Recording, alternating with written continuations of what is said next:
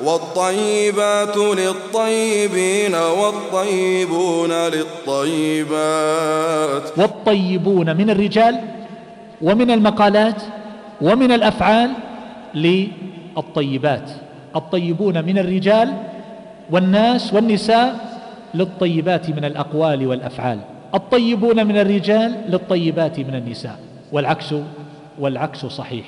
وفي هذا يمكن أن يقال بأن قوله تبارك وتعالى والطيبون للطيبات إن الأفعال السيئة والأقوال السيئة المقالات السيئة إذا صدرت من أهل الفضل على سبيل الزلة والفلتة لم تضرهم. وإذا قيلت فيهم ما ضرتهم وإنما تضر من قالها فيهم كناطح صخرة يوما ليوهنها فما ضرها.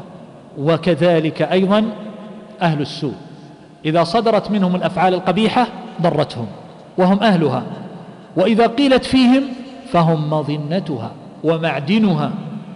هكذا قال كبير المفسرين ابن جرير الطبري رحمه الله تعالى أولئك مبرؤون مما يقولون مبرؤون من المقالات السيئة التي تصدر على سبيل الزلة ومبرؤون مما يقال فيهم من القبيح في القول والتهم الفاسدة ومبرؤون من كل قبح بجميع أنواعه.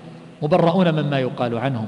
عائشة مبرأة مما قيل في عرضها رضي الله تعالى عنه لأنها طيبة. والنبي صلى الله عليه وسلم طيب الطيبون للطيبات والطيبات للطيبين. فلا يلحقهم هذا القول الشنيع فهم مبرؤون ببراءة بإبراء الله عز وجل لهم وتبرئته لأعراضهم.